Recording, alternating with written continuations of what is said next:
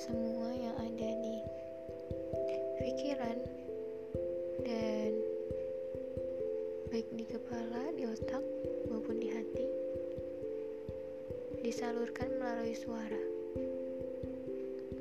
Kemudian entah siapa di pulau mana, di daerah apa, di seberang mana mendengarkan pikiran dan suara aku hari ini. Terima kasih.